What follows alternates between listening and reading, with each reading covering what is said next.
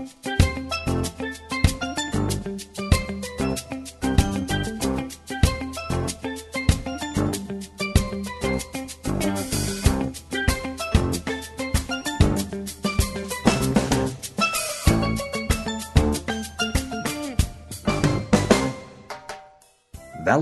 og bildjelangt her i morgen. Jeg vil med at du har haft en god morgen, og at du kanskje nå sitter vi gjennom kaffekopp i Olorstad. Og i dag får jeg vite høyre et prat vi en salarvidgjera som hever arbeidt nekv i fargen. Være velkommen.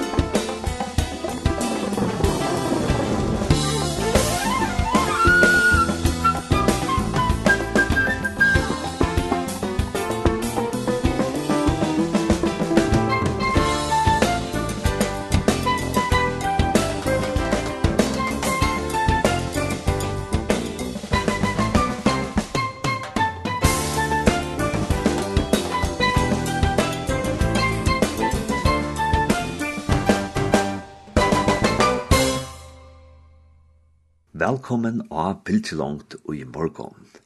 Jeg ferdig at byrja vi at lesa et vers ur Biblene, og det er ur Johannes 9.30. Ta Jesus nu hei finnje etikken, sier han, ta er fullkjørst, og han bøkte høtte og gav opp andan. Og i det ferdig vi at høyra et prat vi Gunnhild Owen Massen, Hon hever arbeidt i fyrjon og i nekvne kvar som salar vidgjere tja fellesskapen agape.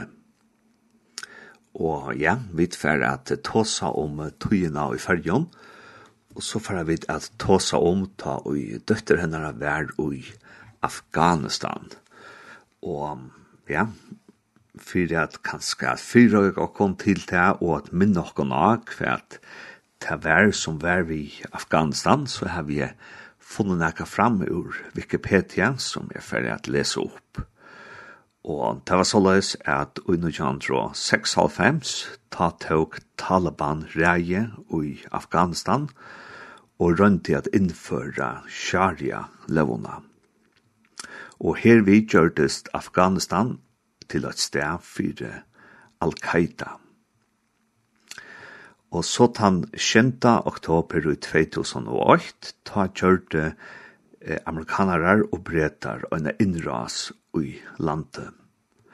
Enda maler vi innrasen i Afghanistan eh, var et bøgnløys attesvær til hendingarnar 11. september 2008 ta Al-Qaida fram til Alop av World Trade Center og Pentagon i USA og og enda mal vera fenga og sama Ben Laden som held til i landet at gjere enda av Al-Qaida og teka Taliban-styre av reie. Halvan annan mana 17 var Taliban tidsin av reie og en afghansk stjøtten under løsle av Hamid Kassai var innsett. Og høyast til er lengt søgjane at USA leip av Afghanistan, så er støvan i Afghanistan enn eufriarlig og eutrygg. Friarskapande herdøylder var settar av stålen av ST i 2008 og riknar av NATO fra eh, 2003 og ja, og de søgnaste av herfølgene tja amerikaneren og tørre alliereren, de er så færen ur landen. Og man kan annars sige om Afghanistan at Afghanistan er et sera samansett land, og her er ikkje minne enn 34 landsloter og i fjallarøykon eh, lente, og og det gjør at Afghanistan er øyla torrførst at styra. Og ja, og Arne vi fyrir at tås har vi Gunnhild og en massen, eh, med til anna om at døttrene har vært i Afghanistan, så fyrir vi til at høyre et lean, og til verer MC Restorff, vi leanon helder atjer tøyt.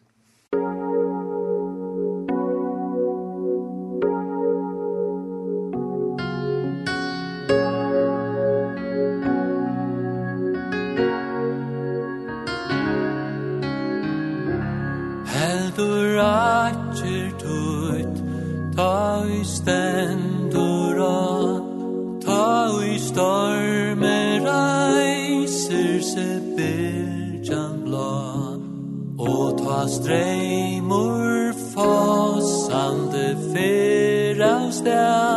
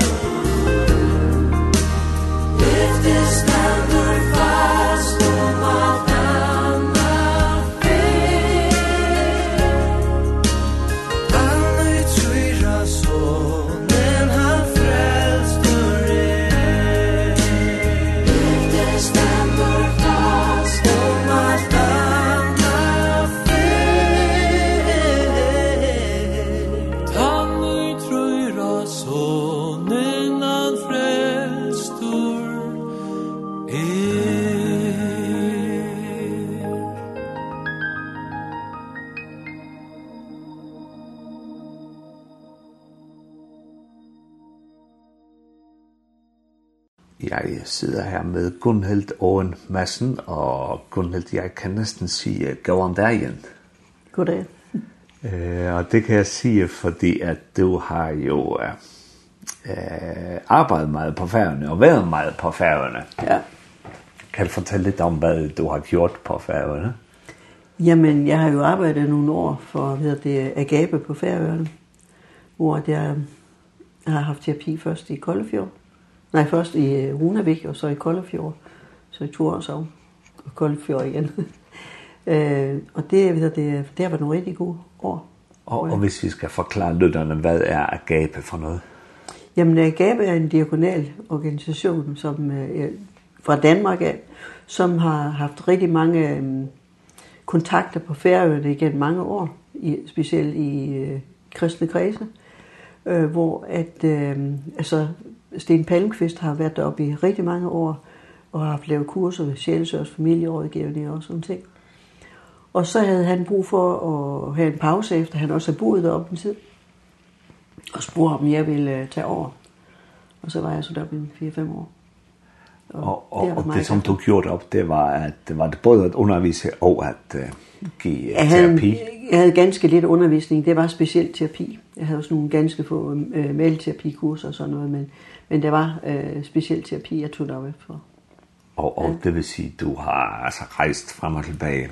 Rigt, ja, jeg tog hjem rigtig fra, mange gange. Ja, jeg rejste hjem fra mandag. En gang om måneden var jeg deroppe en uge. Jeg tog hjem fra kl.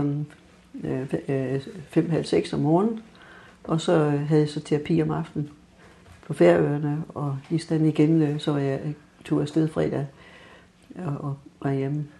Så, så det var en, en god uge der de har et ordsprog på færøerne, som siger, at, at gæstens øje, det er et klokt øje på vores samfund. Mm.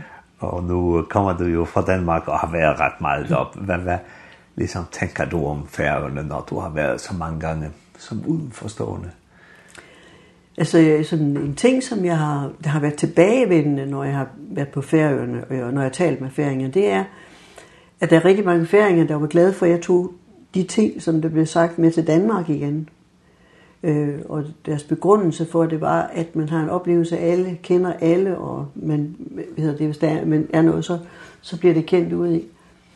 Og dybest set, så vil jeg jo sige, min erfaring med de år, jeg har været op, det er, at færinger, de kender ikke mere hinanden, end vi gør i Danmark. Altså, øh, selvom man bor i samme familie, så kan man godt have rigtig, rigtig svært ved at, og, og, og kende hinanden rigtig til bunds, fordi man får ikke lyttet, man får mere talt, eller man tror, man ved, hvad den anden øh, tænker og, og, ved det, og, og, og mener.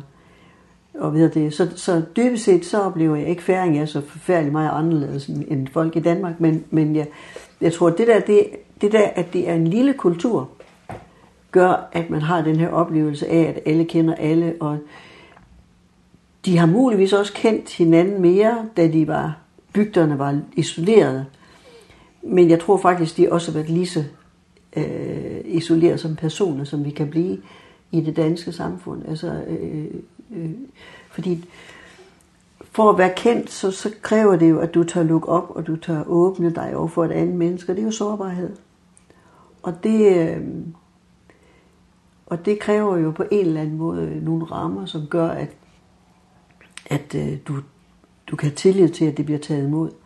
Og det synes jeg er jo noget af det, der var spændende i Danmark, såvel som på Færøerne, det der at opleve, specielt når man sidder sammen med par, som, som får den her oplevelse af, at det er godt at være kendt af sin ægtefælle. det er godt at være kendt af sin sine børn, det er, at, at, jeg, at jeg, min ægtefælle vil faktisk godt høre mig, selvom det er svært.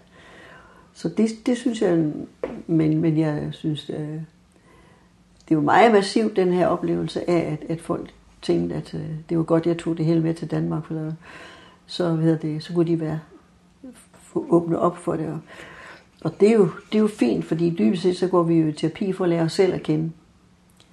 Men jeg tænker, at øh, hvis vi kunne åbne lidt mere op over for hinanden, og være lidt mere åbne over for, hvordan vi har det med hinanden, så vil det jo blive endnu rigere, for det er jo det, der gør, at man føler sig kendt og forstået og anerkendt jeg tager til Danmark, og så øh, kan min anerkendelse jo nok give en lille smule, men anerkendelse fra dem, der står ind nær, det er jo endnu dybere.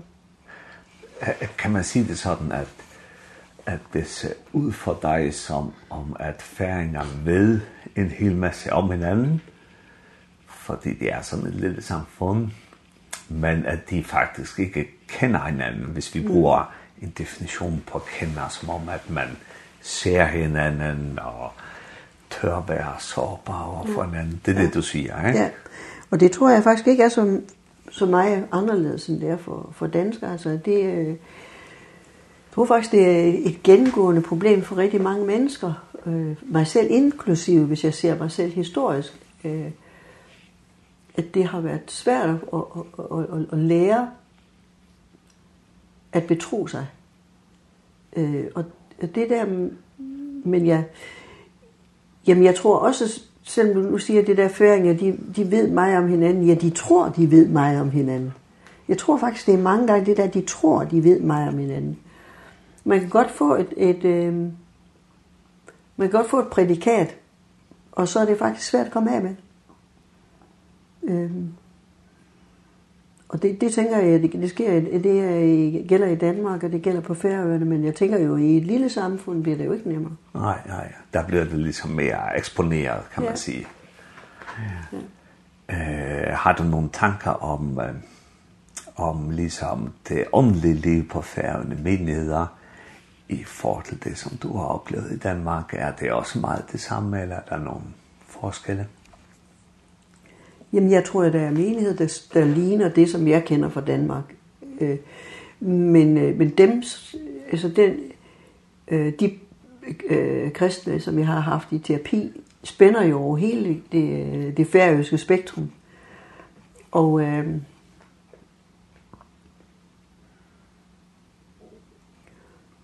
øh, men når, når, når det kommer til det personlige arbejde, så adskiller det sig jo ikke så meget. Altså jo, jo hvis mennesker har været meget inde i herlighedsteologiske områder, så, øh, så sidder det rigtig, rigtig hårdt. Altså, så, så, øh, der er to steder, hvor jeg oplever, at, at, at, at, at mennesker at det rører mig meget dybt ved deres gudstro, det er, når man har været inde i, i meget herlighedsteologiske, øh, hvad hedder det, øh, hvad skal man sige, kirkelige relationer, hvor at, øh, når så tingene ikke går, som man havde forventet, så går det meget ud over også ens gudsrelation. Øh, så, så Gud, det der med, at Gud er en ressource også til at komme videre med sit liv, den kan godt, det kan godt være sværere der. Øh, og så oplever jeg også, at, Øh, mennesker, som har været udsat for seksuelle overgreb, eller har haft været tæt på det.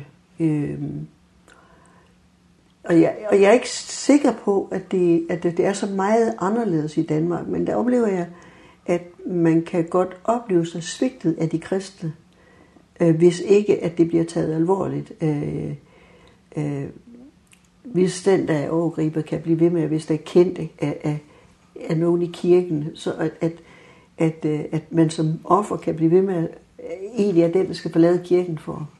for der oplever der, der, der er der nogle der, der går der noget brud, der sker der nogle meget dybe brud i forhold til kirken og trygheden i kirken, når at, at det sker inden for kirken. Det gør der jo også i Danmark. Men i Danmark er det måske lidt nemmere bare at flytte et andet sted hen, øh, hvor man, fordi menighederne ligger lidt tættere, end de gør på Færøerne Ehm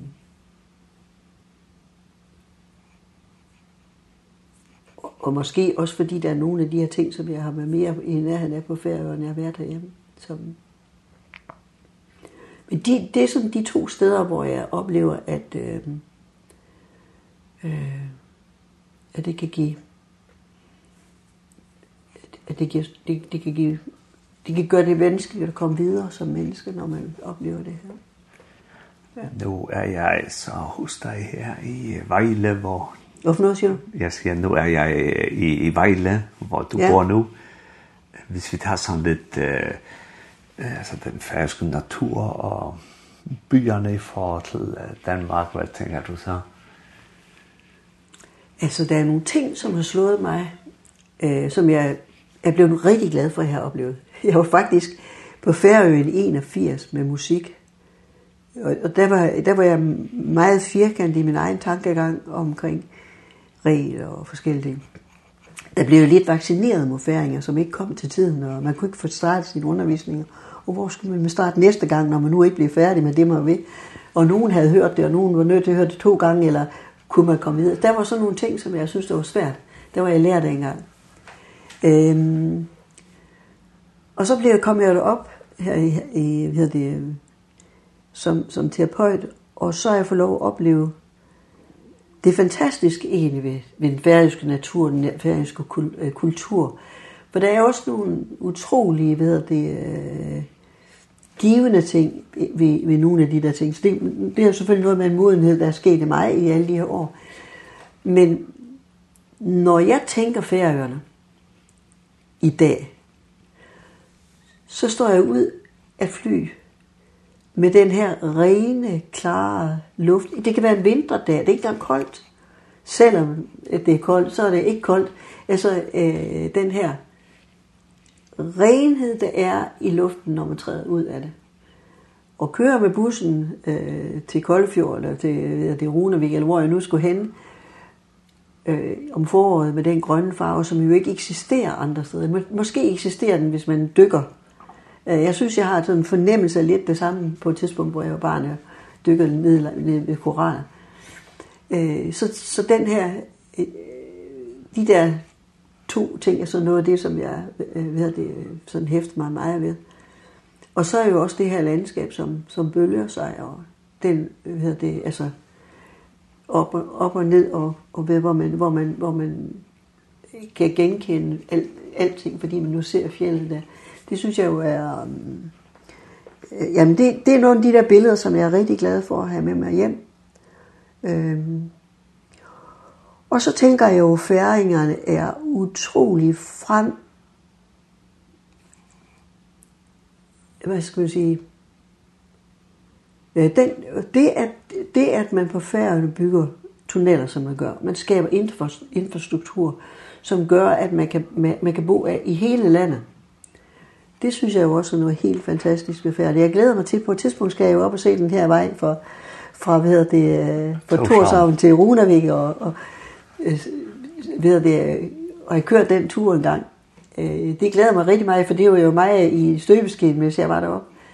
Øhm, men det her med, at I har syn for, at man skal kunne bo i, i hele landet, det skal ikke være sådan, at hele yderområdet, det skal være, at det er øh, hvad hedder det? Affolket. Affolket.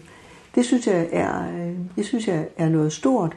Og så igen det her med, at når man kommer til Torshavn, så står man på bussen, man skal ikke betale for det. Så det der med, at man også fjerner nogle af de der biler eh ind i Torshavn, ved folk de kan stå på bussen, og, eh det kunne man lære rigtig meget af i byerne i Danmark, tror jeg.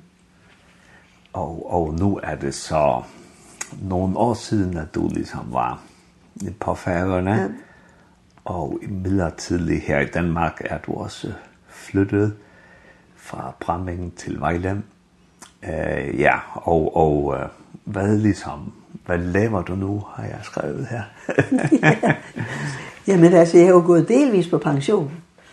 Uh, jeg har haft klinik i Aarhus uh, og i hvad hedder det, i Aalborg, var jeg, lagde mig ind på hotel og var der, en, ligesom jeg gjorde på ferien, bare lige over en weekend der i nogle år. Men i, og i sidste år i november stoppede jeg så med at tage til Aarhus og gik så på delvis pension. Så jeg arbejder her i Vejle en dag om ugen i det lille lokale, vi sidder i her. Og så, øh, så er jeg begyndt at spille golf. Og det har været rigtig godt til mit ægteskab. Det er, at vi har de der gåture sammen. Min mand har, alt, han har løbet i mange år. Og jeg har gået mange år, vandret mange år. Det var altid hver for sig.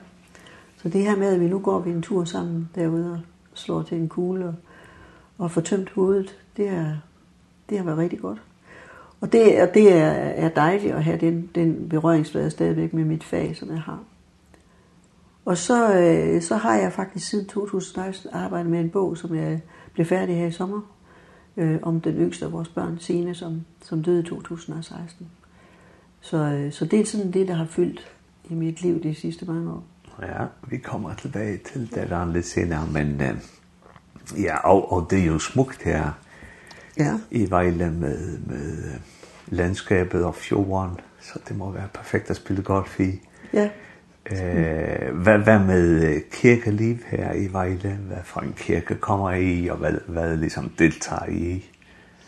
Jamen altså, vi kommer i en, en lille frikirke, øh, ja, eller den er faktisk ikke lille, altså, det er 200 medlemmer, tror jeg. Øh, øh, broen hedder den, øh, som er evangelisk, øh, altså samme grundlag som folkekirken, men bare fri.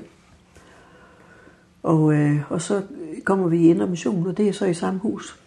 Så vi hedder det, og det er rigtig godt det der med, at det er i det samme hus, og mange af de mennesker, som vi møder, møder vi jo både i kirken og i, og i Indre Mission, så, så der kommer vi och och och sånt åndeligt, og nu är det alltså jag terapeutik er du så optaget af noget specielt omkring Gud for tiden, eller med din egen tro for tiden?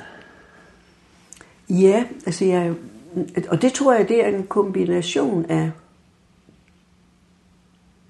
jeg tror, det er en kombination af nogle ting, der er sket i mit eget liv, men også den proces, jeg har været i, i den skriveri med min bog. Altså, Øh, så lige nu er jeg rigtig meget optaget af, når sårbarhed møder sårbarhed. Når jeg som terapeut møder en klient, øh, så møder jeg jo ofte et sårbart menneske, men jeg er meget optaget af det der med, at skal jeg virkelig gøre en forskel, så skal jeg kende mig selv som et sårbart menneske. Så jeg kommer der ikke som en ekspert, men jeg kommer der som et andet sårbart menneske, som ligger øre til, Og så har jeg selvfølgelig en masse erfaringer, som gør, at jeg kan stille nogle spørgsmål. Men dybest set er det jo den, der sidder på den anden side, der har svarene. Og hvis ikke jeg er, hvis ikke at jeg er bevidst om min egen sårbarhed, så får jeg ikke lyttet ordentligt ind til den anden side. Og, og, og dybest set er, er jeg meget optaget af det, det, der helbreder os som mennesker. Det, der gør, at vi får det bedre med os selv og egentlig så tænker jeg, at vi skal, vi, skal jo ikke, vi skal jo ikke forbedre os som mennesker. Det er der mange mennesker, der tror. Men vi skal blive mere os selv. Og skal vi blive mere os selv, så er det jo ikke output, så er vi ikke brug for input udefra, så har vi brug for, at vi, vi får, kommer på opdagelse i vores eget liv og bliver klar over, hvor rige vi er. Altså, øh, så det her med, at vi som kristne, vi er helt frie i Kristus. Han, han er død for vores sønner, han, han er også død for de sønner, vi kommer til at begå. Vi må have lov til at leve vores liv i frihed. Men det er faktisk lidt svært, så vi kan godt have den viden, men at have den i sindet, i, i vores liv og i vores tro og vores måde at møde hinanden på og møde os selv på. Øh, det kan godt være svært. Og for at vi kan finde det mere og mere, så har vi brug for nogle ører. Og det behøver ikke være en terapeut, det kan også være en præst, det kan være bare en journalist, det kan være, en, det kan være dig, det kan være en god ven. Vi har brug for nogle ører, der lytter, så vi finder ud af, hvad vi selv tænker, føler, mener, hvem vi er, hvorfor vi gør, som vi gør, eller hvordan vi kommer videre, når vi nu ikke ved, hvorfor vi gør, som vi gør. Så må vi tro på, at så længe at vi ikke ved det, jamen, så må vi gøre det bedste, vi kan, og så vil Gud åbne og sind, når vi bliver klar til at se det, vi har brug for. Det er meget optaget. Det der sårbarhed, det er, når vi møder et, et andet sårbart menneske. Og tænker du også, nu, nu begyndte du i hvert fald at snakke ud fra det som terapeut, ikke? men tænker du også mm. måske i vores kirker, at hvis vi tør være sårbare og åbne om vores øh, sår og vores øh, synder og fejl, at så får vi også skabt en, en, en bedre kirke, et bedre fællesskab. Jeg tror, den eneste vej, altså jeg tror, den eneste vej, der, nu, jeg lige kom med i et udvalg i Indre Mission, sammen med to, øh, Asmus Asmussen og så Sprint, øh, som er præst her i vores frimenighed, undervisningskonsulent i Indre Mission, øh, omkring hvordan man som kirke favner øh, også, også mennesker med problemstillinger i forhold til seksualitet. Og der er jeg overbevist om, at vi skal have, det er ikke dem, der har problemet, og så os, som har løsninger, os, der skal, øh, det er, vi, vi, vi skal være, vi skal være lige, vi skal møde dem som ligeværdige. Det er ikke, de er ikke, de er ikke anderledes. Alle, vi er alle syndere og mangler herlighed fra Gud, og samtidig med har vi hans herlighed, fordi vi er skabt i hans billede. Så det, jeg er meget optaget af det der med, at vi møder hinanden som lige. Og det tror jeg også, jeg så til, til Sprint, som er en af vores præster her, så siger til ham, noget af det største, som jeg oplever hos jer præster, det er, når I en gang imellem åbner op for jeres egen sårbarhed. Når Michael, en af vores præster, siger endda, ja, at ja, det, her, det er faktisk været svært for mig at lave det her, for det her det er faktisk noget, jeg selv kæmper med. Sprint den dag siger, øh, hvor han skulle tale noget om, om øh, også om noget om det der med, at vi er frie, og så sidder vi samtidig. Vi, vi er i Guds hænder, ikke? og vi er fuldstændig frie, og så samtidig ligger vi i den her hånd og tager armbøjning for at klare det, ikke? Og, og arbejder helt vanvittigt for at kunne leve, klare det her liv, ikke? og vi, vi er i den hånd, vi kunne bare lige så stille ham bære os rundt. Ikke? Så, og hvor, så hans kone siger til ham længere, at, hvor han fortæller det i prædiken, siger, ja, da jeg så jeg skulle afsted, så siger min kone, Og det er det så dig, der skulle ud og fortælle om det. ikke det der, men det, og det kan jo siges med en humor, det, men det der med, at man åbner op over for andre mennesker. Nu snakker vi om de her ting her, men det kender jeg faktisk fra mig selv. Må, måske give en lille bitte smule, sådan at vi, vi skal jo ikke vi skal jo ikke krænke hinanden ud, men det der med at, at gøre det klart for et andet menneske, det her, det, det er faktisk svært for mig for mig i den periode, hvor jeg har arbejdet med den her bog, der har jo stået i sårbarhed den ene gang efter den anden. Både i forhold til, hvor meget jeg skal fortælle om sine og min relation. Hvor meget jeg skal fortælle om, om, om, om sine og de ting, hun oplever. Hvor tæt skal man gå på. Øhm, er det her rigtigt? Går jeg den rigtige vej? Hvad er det, der sker i mit liv, når det her det gørs vigtigt? Er det for min skyld, eller er det for Altså, så hele tiden det der med at finde ud af, hvad er det, der gør, at det her er svært for mig. Og det der med hele tiden har været, for eksempel med mange af de der læger og de der ting, som de gør, at, er det også det, der sker i mit professionelle virke. For jeg er ikke lyttet ind.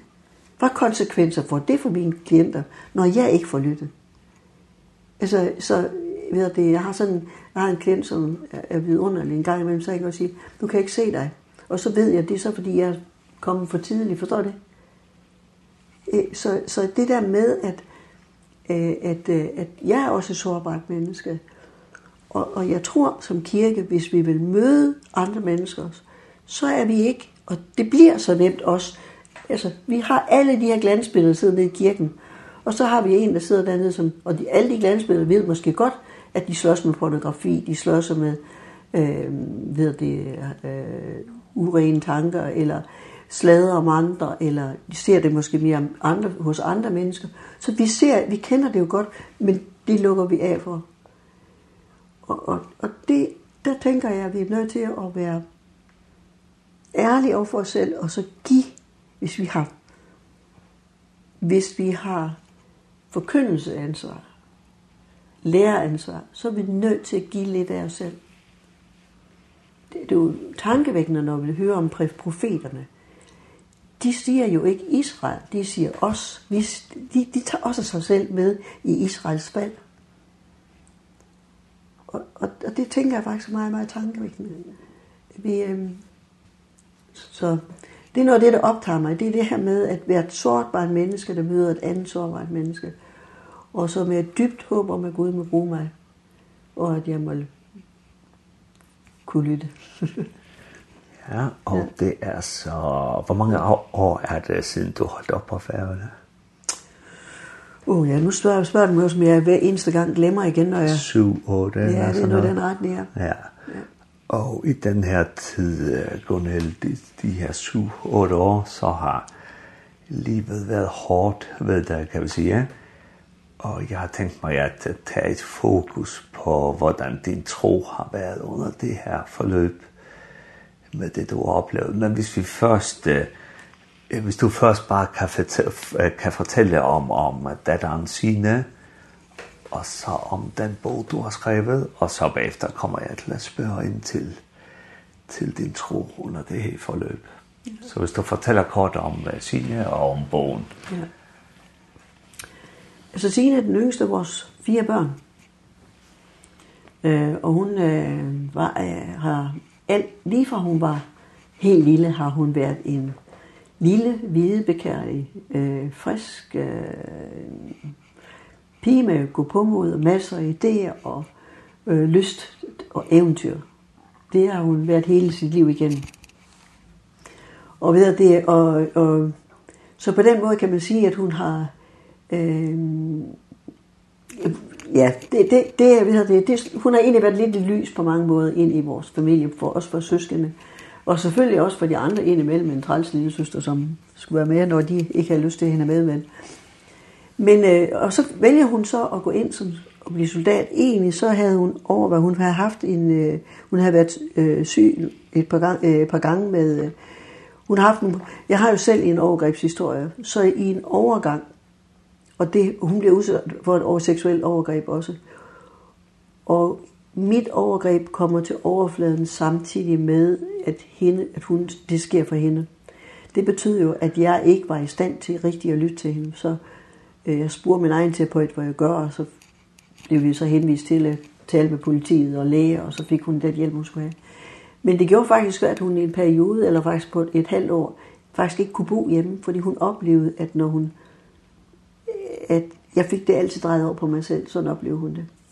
Så derfor, og der kan man sige, det der med at lytte, den, det, det blev meget massivt for mig at lære at lytte i den periode der. Øhm, men, og, og på grund af det, så valgte hun en i første om, om måske prøve noget andet end militæret, som hun gerne ville. Men alligevel, hun, alligevel var hun taget på session for at, for at se, om hun overhovedet ville kunne opfylde sin drøm en dag.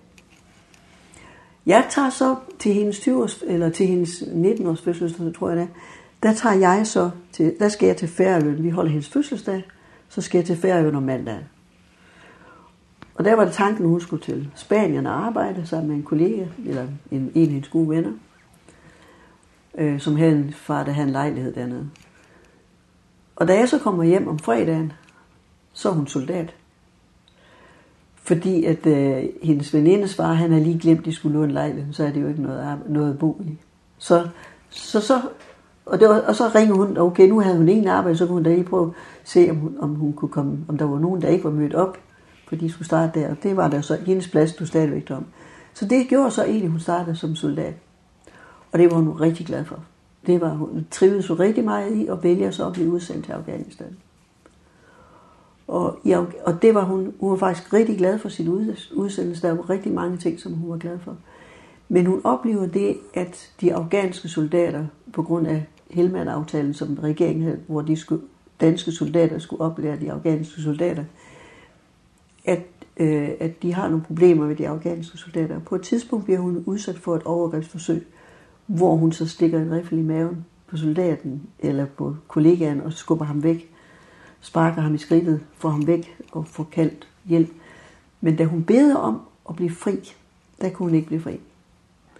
Og det, det vil sige, at hun skal blive ved med at gå øh, vagt sammen med de soldater. Og, og så bliver man nødt til at indrette sig på det på en eller anden måde. Prøve på at passe på sig selv. Og de to piger, der var der, de prøvede at gøre, hvad de kan for at passe på hinanden. Øhm, så kommer hun hjem, og så har hun så nogle øh, oplever hun, at hun blev faktisk gift, inden hun tager ned til Afghanistan, og bliver skilt kort tid efter, hun kommer hjem. Og det tænker jeg er det første tab, hun har efter sin udsendelse. Fordi han er jo en mand, så når han kommer tæt på, så, så ripper det op i nogle af de der ting. Så hun blev ved med at sige, at hendes mand var den bedste mand, der fandtes, men, men, øh, men hun kunne ikke være i det, og vidste ikke hvorfor. Så begynder hun at have nogle reaktioner og komme i kontakt med med psykiatrien, og, øh, og bliver ikke hørt. Øh, og, og ender med at tage sit eget liv på psyki psykiatrisk afdeling i 2000, i august 2016. Ehm og, øh, og umiddelbart så tænkte vi som familie egentlig ikke, at der var, der var sket noget, der ikke skulle være sket. Først da vi bliver inviteret ud på psykiatrisk afdeling, finder vi ud af de to, som har ansvar for sine, ikke kendt sine. Så vil vi gerne læse journalerne. Og, og det gjorde så, at, at jeg kunne mærke, først jeg begyndte jeg at skrive bare for at få overblik over, hvad det var sket. Og efterhånden så kunne jeg godt mærke, så jeg, havde, jeg, jeg valgte faktisk for at kunne have det godt, så valgte jeg faktisk at gå i terapi, faktisk en gang om ugen i de første mange, mange, mange, mange måneder jeg tror faktisk næsten et halvt år. Og øh, sådan at jeg hele tiden de der mange tanker, der var, at det har mulighed for at forholde mig til dem. Min mand og resten af familien fik faktisk terapeut, terapeutisk hjælp igen militær. Så de tilbød simpelthen bare, og det kunne jeg også få. Jeg har bare brug for en terapeut, som kunne fortælle mig, hvis der var noget. Jeg har brug for en, der kan prikke mig på skulderen, og med, det, med den faglige viden, jeg har, så kan man ens faglige viden godt komme til at stå i vejen for ens proces. Og så øh, på et tidspunkt i løbet af, ja, så laver vi en klagesag, en erstatningssag. Klagesagen får vi at vide, at der er ingenting sket, der er fejl. Ingen fejl sket. Og i erstatningssagen får vi at vide, at Signe var ikke død, hvis de har hørt, hvad hun sagde. Og det gjorde så, at, øh, at vi fik betalt hendes begravelse blandt andet. Øhm. Og efterhånden, så efterhånden så blev det bare tydeligt for mig, at jeg nok var nødt til at lave en bog om det. Og det, og, og det er jo så den, der, der startede. Den startede i nok i to, foråret 2017, tror jeg. Og, øh, og den blev så færdig her i sommer. Øh, og den handler så egentlig ikke kun om sine, det handler også om, om nogle andre soldater, som var i lignende situationer. Øh, og fra aviserne i 2016.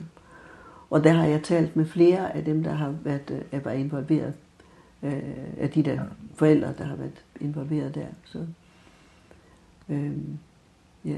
så det, er, det har været en proces, og, og hvis du spørger, hvordan, hvordan har det påvirket min tro? Det er lidt underligt, for som, som, som familie,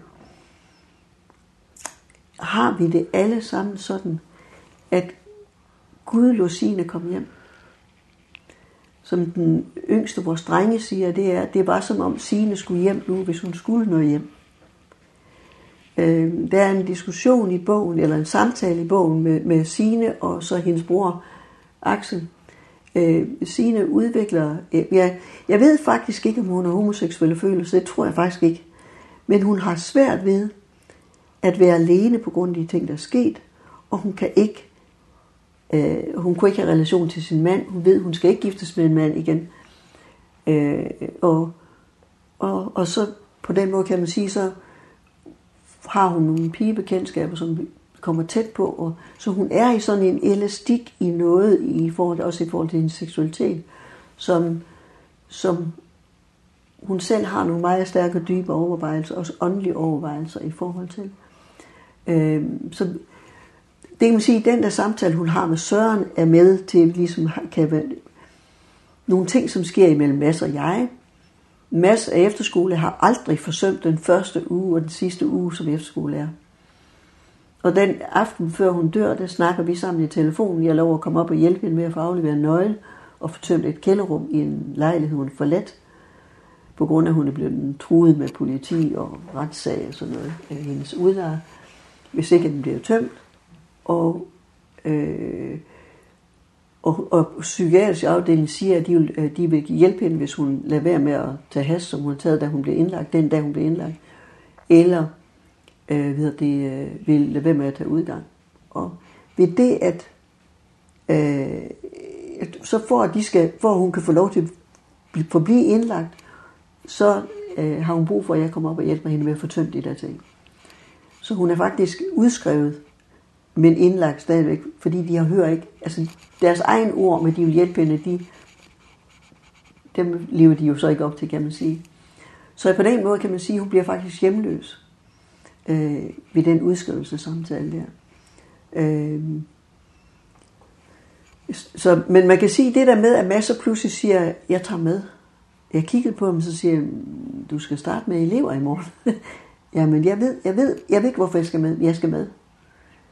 Og, og Axel, han får en sang, da han på vej til Aarhus.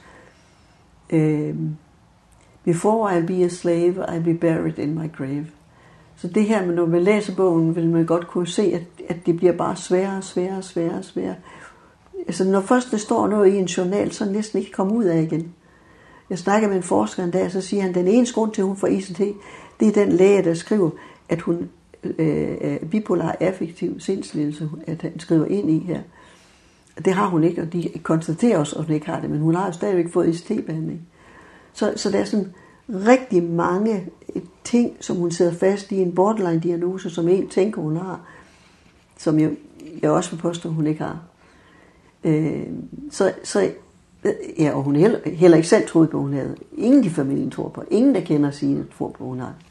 Så man kan sige, hun sidder mere og mere fast i det her system. Hendes egen søster, hun er intensiv sygeplejerske, hun var i en uddannelsesstilling første dag på en ny afdeling, da hun får besked, og, og, og hun går jo selvfølgelig i panik, da hun hører det her, hun skal hjem og hente penge, hun skal hjem og hente en bil, så det ene siger, du skal ingenting, vi har ringet efter en taxa, den afleverer dig på i toget. og her er der 900 kroner, så du kan tage afsted. Hvem har 900 Det er der ingen, der har i Danmark. Lige præcis. Så sådan var der rigtig mange små ting, som alle sammen pegede på, at der var, at Gud var med i det. Øh, og, og også nogle af de der vidnesbyrd, som vi fik til hendes begravelse fra hendes venner, som havde haft nogle, nogle syn, nogen der drømmer, der ald aldrig drømmer. Altså, så der var så mange tegn på, at Gud var med i det, og den her dybe overbevisning, vi selv havde, Og, og den samtale, vi havde på vej lige inden politiet ringer til os, vi er næsten 10 minutter, 10 minutter før, så har vi nået derop.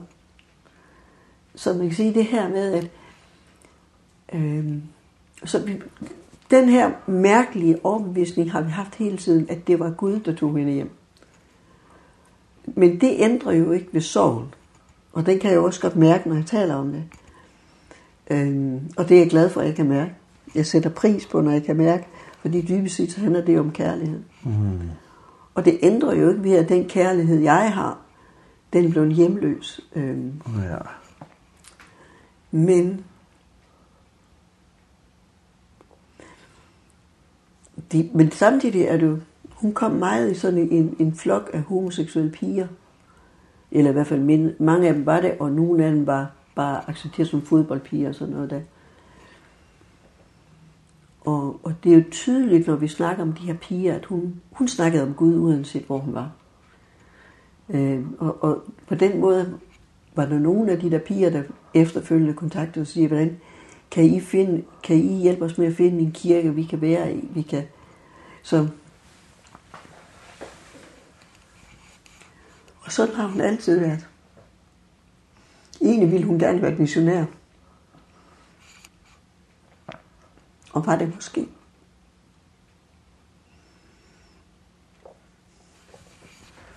Så der er en tvivl. Men når du spørger, hvad det gjorde ved min tro, mm. så tror jeg, jeg vil sige, at den har gjort det større. Øhm, den er anderledes grundfæstet, den er.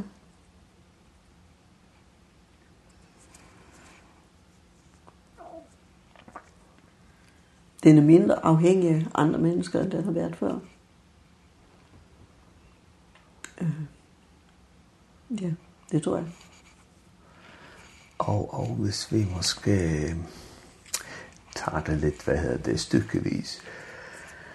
Altså lige der I får besked om, at hun er, at hun er død, ikke? Kan, kan du huske om, var du, var du vred på Gud, eller bad du til Gud, eller følte du dig langt fra Gud eller nær på Gud. Kan du liksom huske ja, den første tid der, den første uge måske? Jamen, jeg føler mig, jeg har følt mig meget forbundet med Gud, men hun var jo, på nogen måde kan man sige, men hun var jo ikke død, hun blev nået, de nåede igen at blive hende, og så kommer hun ind på, så vi kommer faktisk ind på medicinsk hospital samtidig. Sine og også, hun kommer ind med ambulance, vi kører ind, går ind ad døren samtidig. Og, og vi gør jo om, om aften, om aften der, vi kommer jo som en pårørende, en søsken kommer. Pludselig så sidder vi 21 pårørende, de flytter os over i sygeplejerum. Der sidder 21 unge mennesker, som alle sammen føler sine den deres nærmeste. Der sidder en voksen mand på 50 år, han er luftkaptajn, og nogle dage, vil tage med ham ud at rejse, for at han ikke skulle være alene, så kunne de ud, tage ud og opleve de byer, de var i, når han var i når han, når han var i byen og så. Og, og så, så og jeg, har ikke, jeg, jeg har mødt ham en gang før, og så kaster han hans hoved op af min skulder, og så siger han, hvor går man hen, når ens nærmeste er død? Og, og de her unge mennesker, som jo kom fra det, mange af dem kom fra det her miljø, så sidder de om aftenen, da vi har været inde, masser af sidder inde ved sine, øh, imellem hun er til hjerneskander øh, efter hun har været en hjerneskade, så, så sidder de ind, og så sidder de og synger efter en salmbog. Det er jo utrolig gave for, ikke? Og, og, så, øh, og så sidder vi jo faktisk inde ved Signe der, hvor at, øh, hun har så doneret alle sine organer. Så det, vi sidder faktisk, vi får, får jo faktisk et døgn ekstra, efter hun er erklæret død, øh, sammen med hende, fordi at, hun, øh, at hendes hjerte skulle have været afsted til København. Men inden det sker, der, bliver hun så, der får hun så hjertestop, og så kan det ikke lade sig gøre. Men det betyder så, at vi egentlig får, jeg får en hel nat sammen, hvor, og hvor jeg jo egentlig sidder... Jeg kan godt forstå, når der er nogle mennesker, der kan blive afhængige af ved siden ved deres, ved deres døde, kan man sige. Øh, samtidig med, så fungerer det jo en... Øh, jeg vidste jo godt, at hun var, hun var der jo ikke længere. Der var ingen blodført til først, det er hendes hjerne. Øh, Øh, så det er jo en samtale med Gud, jeg har der. Og det er en... Og jeg følte ham bare så nær. Så, og det har jeg følt hele vejen igennem. I, i alle de processer, der har været. Jeg har... Og hvis du spørger, om jeg har været vred på Gud, nej, det har jeg. Og så sent som for en uge siden sker der nogle ting. Jeg sidder og læser nogle artikler om nogle andre soldater, som hændelser, som er været i avisen nu her i år. Så på en eller anden måde, så, så kigger vi på hinanden med sig, og så ser vi det på nogen måde, så er det faktisk en gave, hun ikke skal opleve det her. Øhm, fordi hun ville ikke. Hun blev ved med at sidde fast i det system, hun kunne ikke komme ud af det. Øhm, så jeg tror, den der sang, Axel, han, den er kommet mange gange. Før jeg bliver slave, så, så kommer jeg hjem til dig. Øhm, og så kan man jo godt være den der undren, hvorfor, hvorfor, hvorfor det? Hvor, hvorfor vores lille, lyse, glade, hvad hedder det, sociale pige. Men de der hvorfor, dem er der jo ikke svar på. Altså. Men hendes liv har gjort en vision i mit liv. Og i alle i hendes familie, og af mange mænd, andre menneskers liv. Og det er ligesom der, vi må slutte, tænker jeg at når vi lever, så rører vi hinanden, og, øh, og så skal vi sætte pris på det liv, vi har, så længe vi er her. Og vi ved ikke, hvor længe vi er her. Men om jeg har været... Nej, jeg har faktisk ikke oplevet vred. Jeg kan godt blive vred, når jeg... Der er jo mange steder i bogen. Når man læser den, så er der bare mange steder, hvor man kan sige, at man kan blive vred på en person, som ikke forstår, en person, som ikke lytter, en person, som er bedrevidende, som på den ene måde siger det ene og gør noget andet, og hvad vi ellers skal sige. Men når det kommer, og det når, så kommer vi ind igen, denne med sårbarhed. Men jeg er som mor jo den første, der har såret mit barn. Jeg er jo som mor den første, der ikke fik lyttet til mit barn. Og, og det og jeg tror så, måske ikke, der er så mange forældre, der ikke kommer i den situation, at der er ting, de overhører. Men vi kan aldrig vide, hvad er det for konsekvenser, det får, når vi ikke lytter. Øh, så på den måde er jeg jo et sårbart men Den erkendelse har været der mange gange. Øh, så når jeg møder, og forhåbentlig møder nogle af de her mennesker igen i, det, i foråret her, kan jeg godt være vred over det, de har gjort. Men jeg ved godt, på den anden side står der et sårbart menneske. Øh, og, og, og man kan sige, i det øjeblik, at det sårbare menneske så erkender sin sårbarhed, ja, så kan man også tilgive det. Erkender de det igennem, så, de jo, så er der jo ikke, så kan du jo ikke tilgive. Du kan ikke tilgive noget, der ikke erkendes, kan man sige. Øh, men, men det, øh, der må dommen så være Guds, kan man sige. Øh,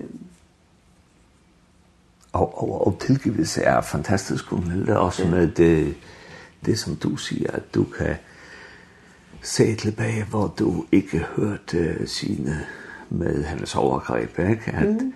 at når, vi, når vi finder skyld hos os selv, så har vi, så har vi en forsoning i mm. Jesus, ikke? som kan gøre, at vi kan komme videre. Ja. Så tænker jeg med, nu er vi selvfølgelig nu tar vi det her op i 2022, og, og man ser meget anderledes på det nu, men, men før i tiden har man inden for kirkegom, kirken, kirken og kirken, kristendommen måske øh, haft øh, mange, hvad skal jeg sige, vrangforestillinger om selvmord og om hvad Gud synes om det. Har, har du som kristen kæmpet med at Men siden han tog sitt eget liv, hade det vært et issue i forhold til hva Gud synes om det, og, og hva er mening med at et ungt liv tar seg der, et ungt menneske tar seg der liv.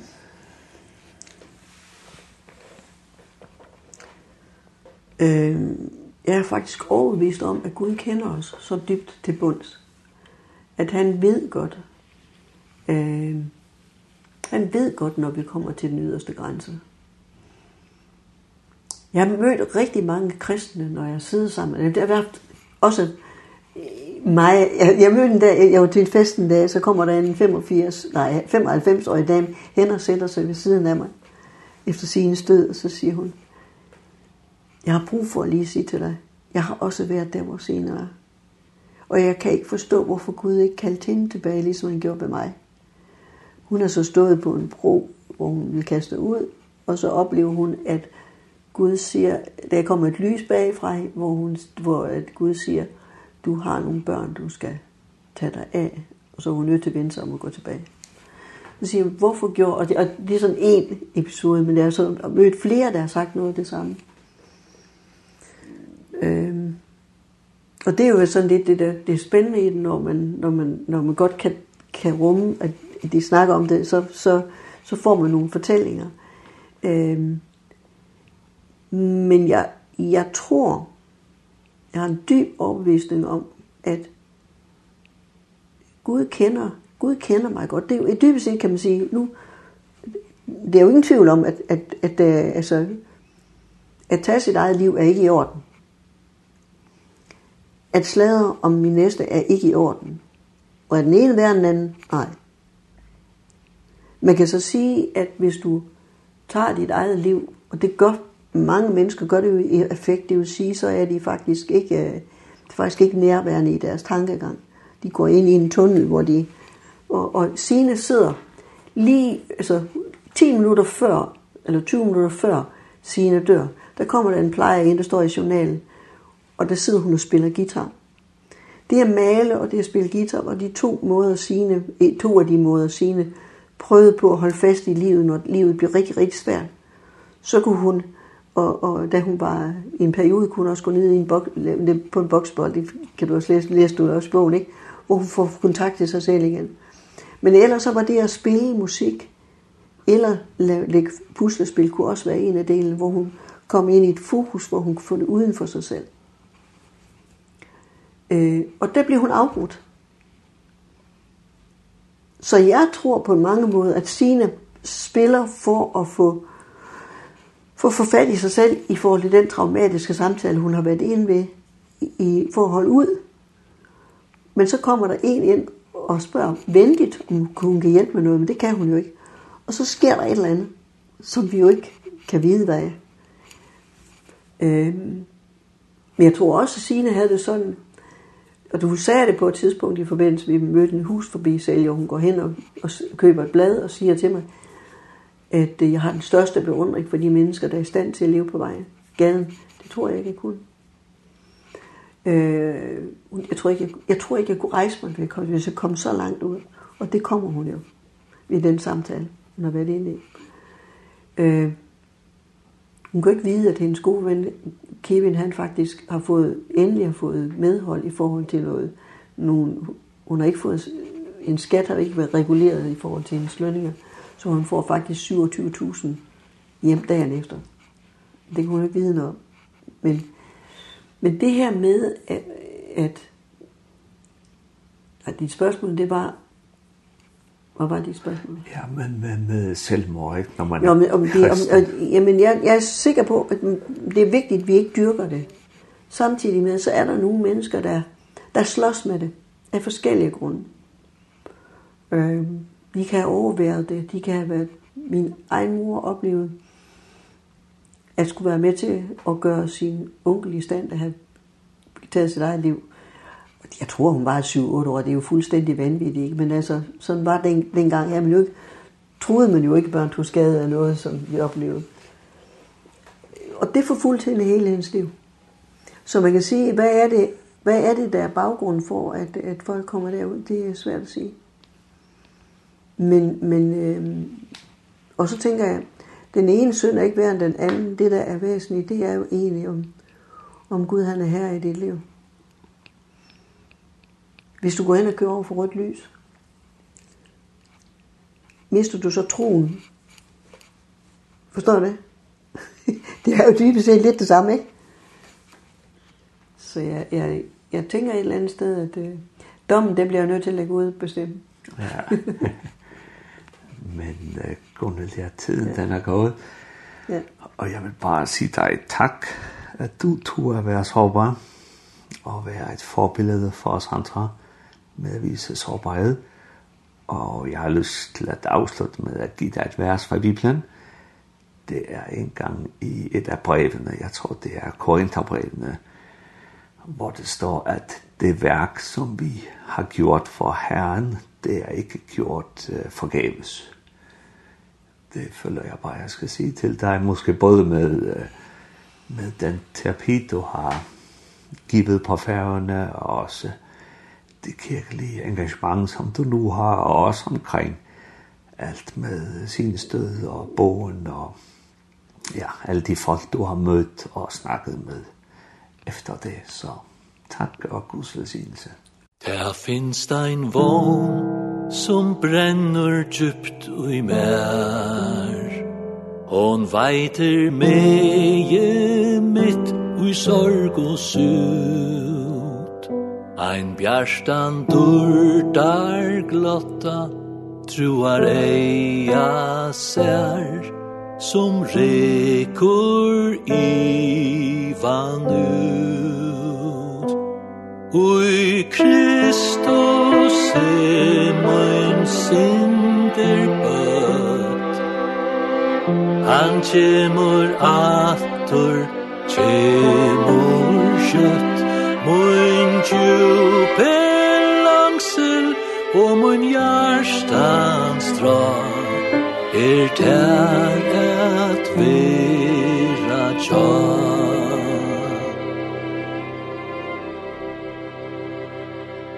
Finns det en våg som lukar bira bröst?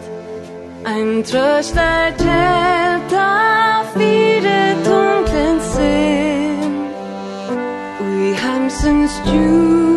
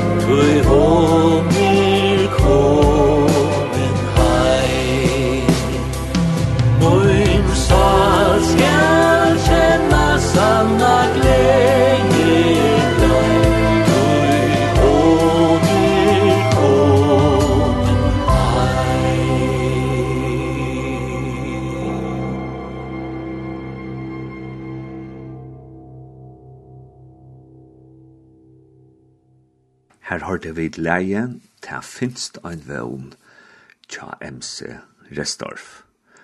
Og framan undan det så hørte vi da et prat vi Gunnhild og en massen. Hun er salar vidgjere. Og ja, hun fortalte om hektar at døtter henne døye for eknar i hånd. Og i samband med det så har vi funnet opp råd i Røyner bøk som jeg får lese opp.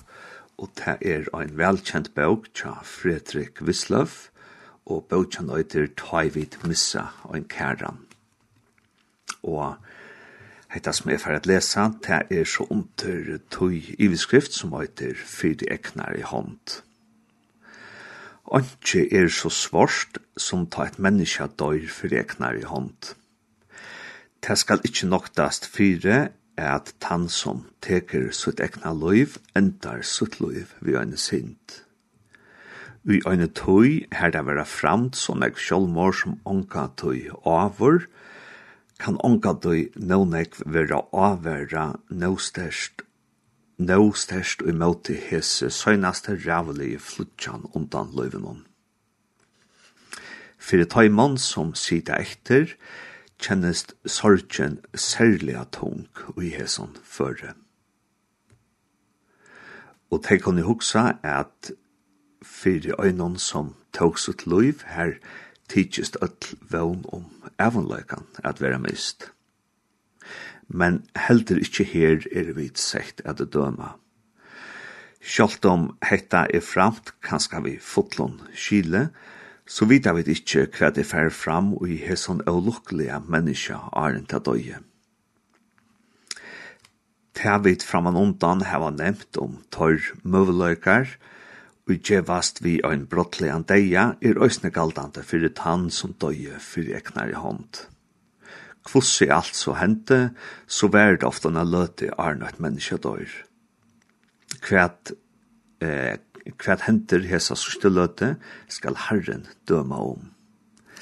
Etter at et menneske hever sarsht, så sjálvan til deia av ein eller annan hatt, kan ta knapplega koma atter til som kjolls, suttjak for a rævliga gjer det hever gjørst og yra seg om det. Øysne daumen i vi temmenisja som tåg så tekna loiv, må vi leta godom. Han er hin rattvise domaren som øysne elskar hese og lukkelige menneske. Mange tøymon som dødja for eknar i hånd er salalega sjuk og tøyløte tøygerata. Sinne er sjukt, nervaner kunne være nye brottner, og sjukan kjer at de ikke hava temarhalt av seg sjølvun. Og i kom føre kan talan være om tunglengte og tjøknon lenga tøy. Og i øron føron kunne de hava vært ute for omkron som knapplega hever åregva torrara sinne. Og så henter vannlokkan. Ta sola stenter til, veit at menneska ikkje kvæta gjer ta og i gjørst verer, medan ein er og i slukarstøve hever ein ikkje apert av. At de som missa tørre kæra av en så dæpran hatt, kjenna ta særlig svarst er vel skiljande. Men de øya korsen ikkje at gløyma at det oftast er sjuka som vær årsøkjen til deian. Nøkker skam fyrir familjena, må man ikkje bera av seg. Og ønsken øyer at øktast fyrir at en deie skal være drien til svars fyrir Guds hasete, tog at han voldte sin ekna deia ui sjuke etla på grunn av onkron som er hent. Kvært god en kan hava åpenbæra fyrir noen sjuka, vidar vi ikkje. Han hever utveier som vi ikkje vita om. Ongen øyre at leta seg nøyva av vøvnløse og sorg iver tann som døye og ein så syndalian hatt som at teka sitt egna løyv. Her, som alltid, kon vi letja hin deia og i godskå i henter, og så lysa fri iver minne hansara, etla minne hennara. Ja, og så skal jeg bare sija at om det er så løs at enten to etla ein av tøynon kjem ut i hettar at hugsa om sjálvmor er ein enti ötlon, så ber alltid til at rinja til lakna vakna av Achan Holfjers og få en samtale om man hever slukka tankar. Og til røysni alltid møvlet at be at til god, og hans er kvarja sinnes støve man er roi. Vi tfæra nå at høyra ein sankatrat, og det er MC Restorff, og sankren vi skulle høyra, han høyder best ein dag.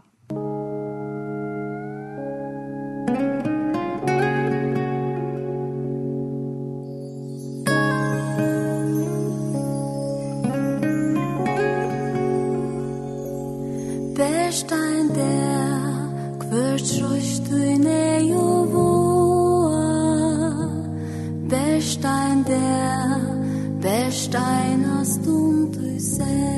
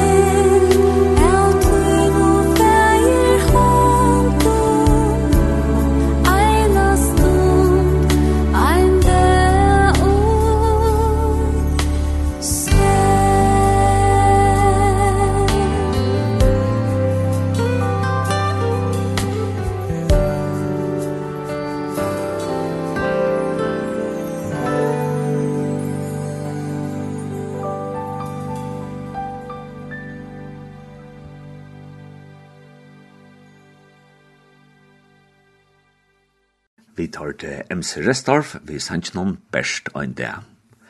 Hetta var så enden av morgon sendingene av bildslångt i morgon. Henta sendingen var endesendt i kvöld klokkan 19.30 og i natt klokkan 4. Øysene var om endesendt kommande leierdag. Du kan støysene høyre seg sendingene som potvarsp, til dømes av Spotify, så løyt at du bare etter bildslångt, og så finner du okkara, okkara sendingar eh, som podvarsp. Og her er det så løs av Spotify, at hvis du så truster av klokkena av Spotify, så først du en notifikasjon hver jeg fer en nudge samråa fra bildslangt vil det lagt ut som potvarsp. så gjør jeg egentlig det. Så jeg ikke bare at jeg må ha en gående vujer. Musikk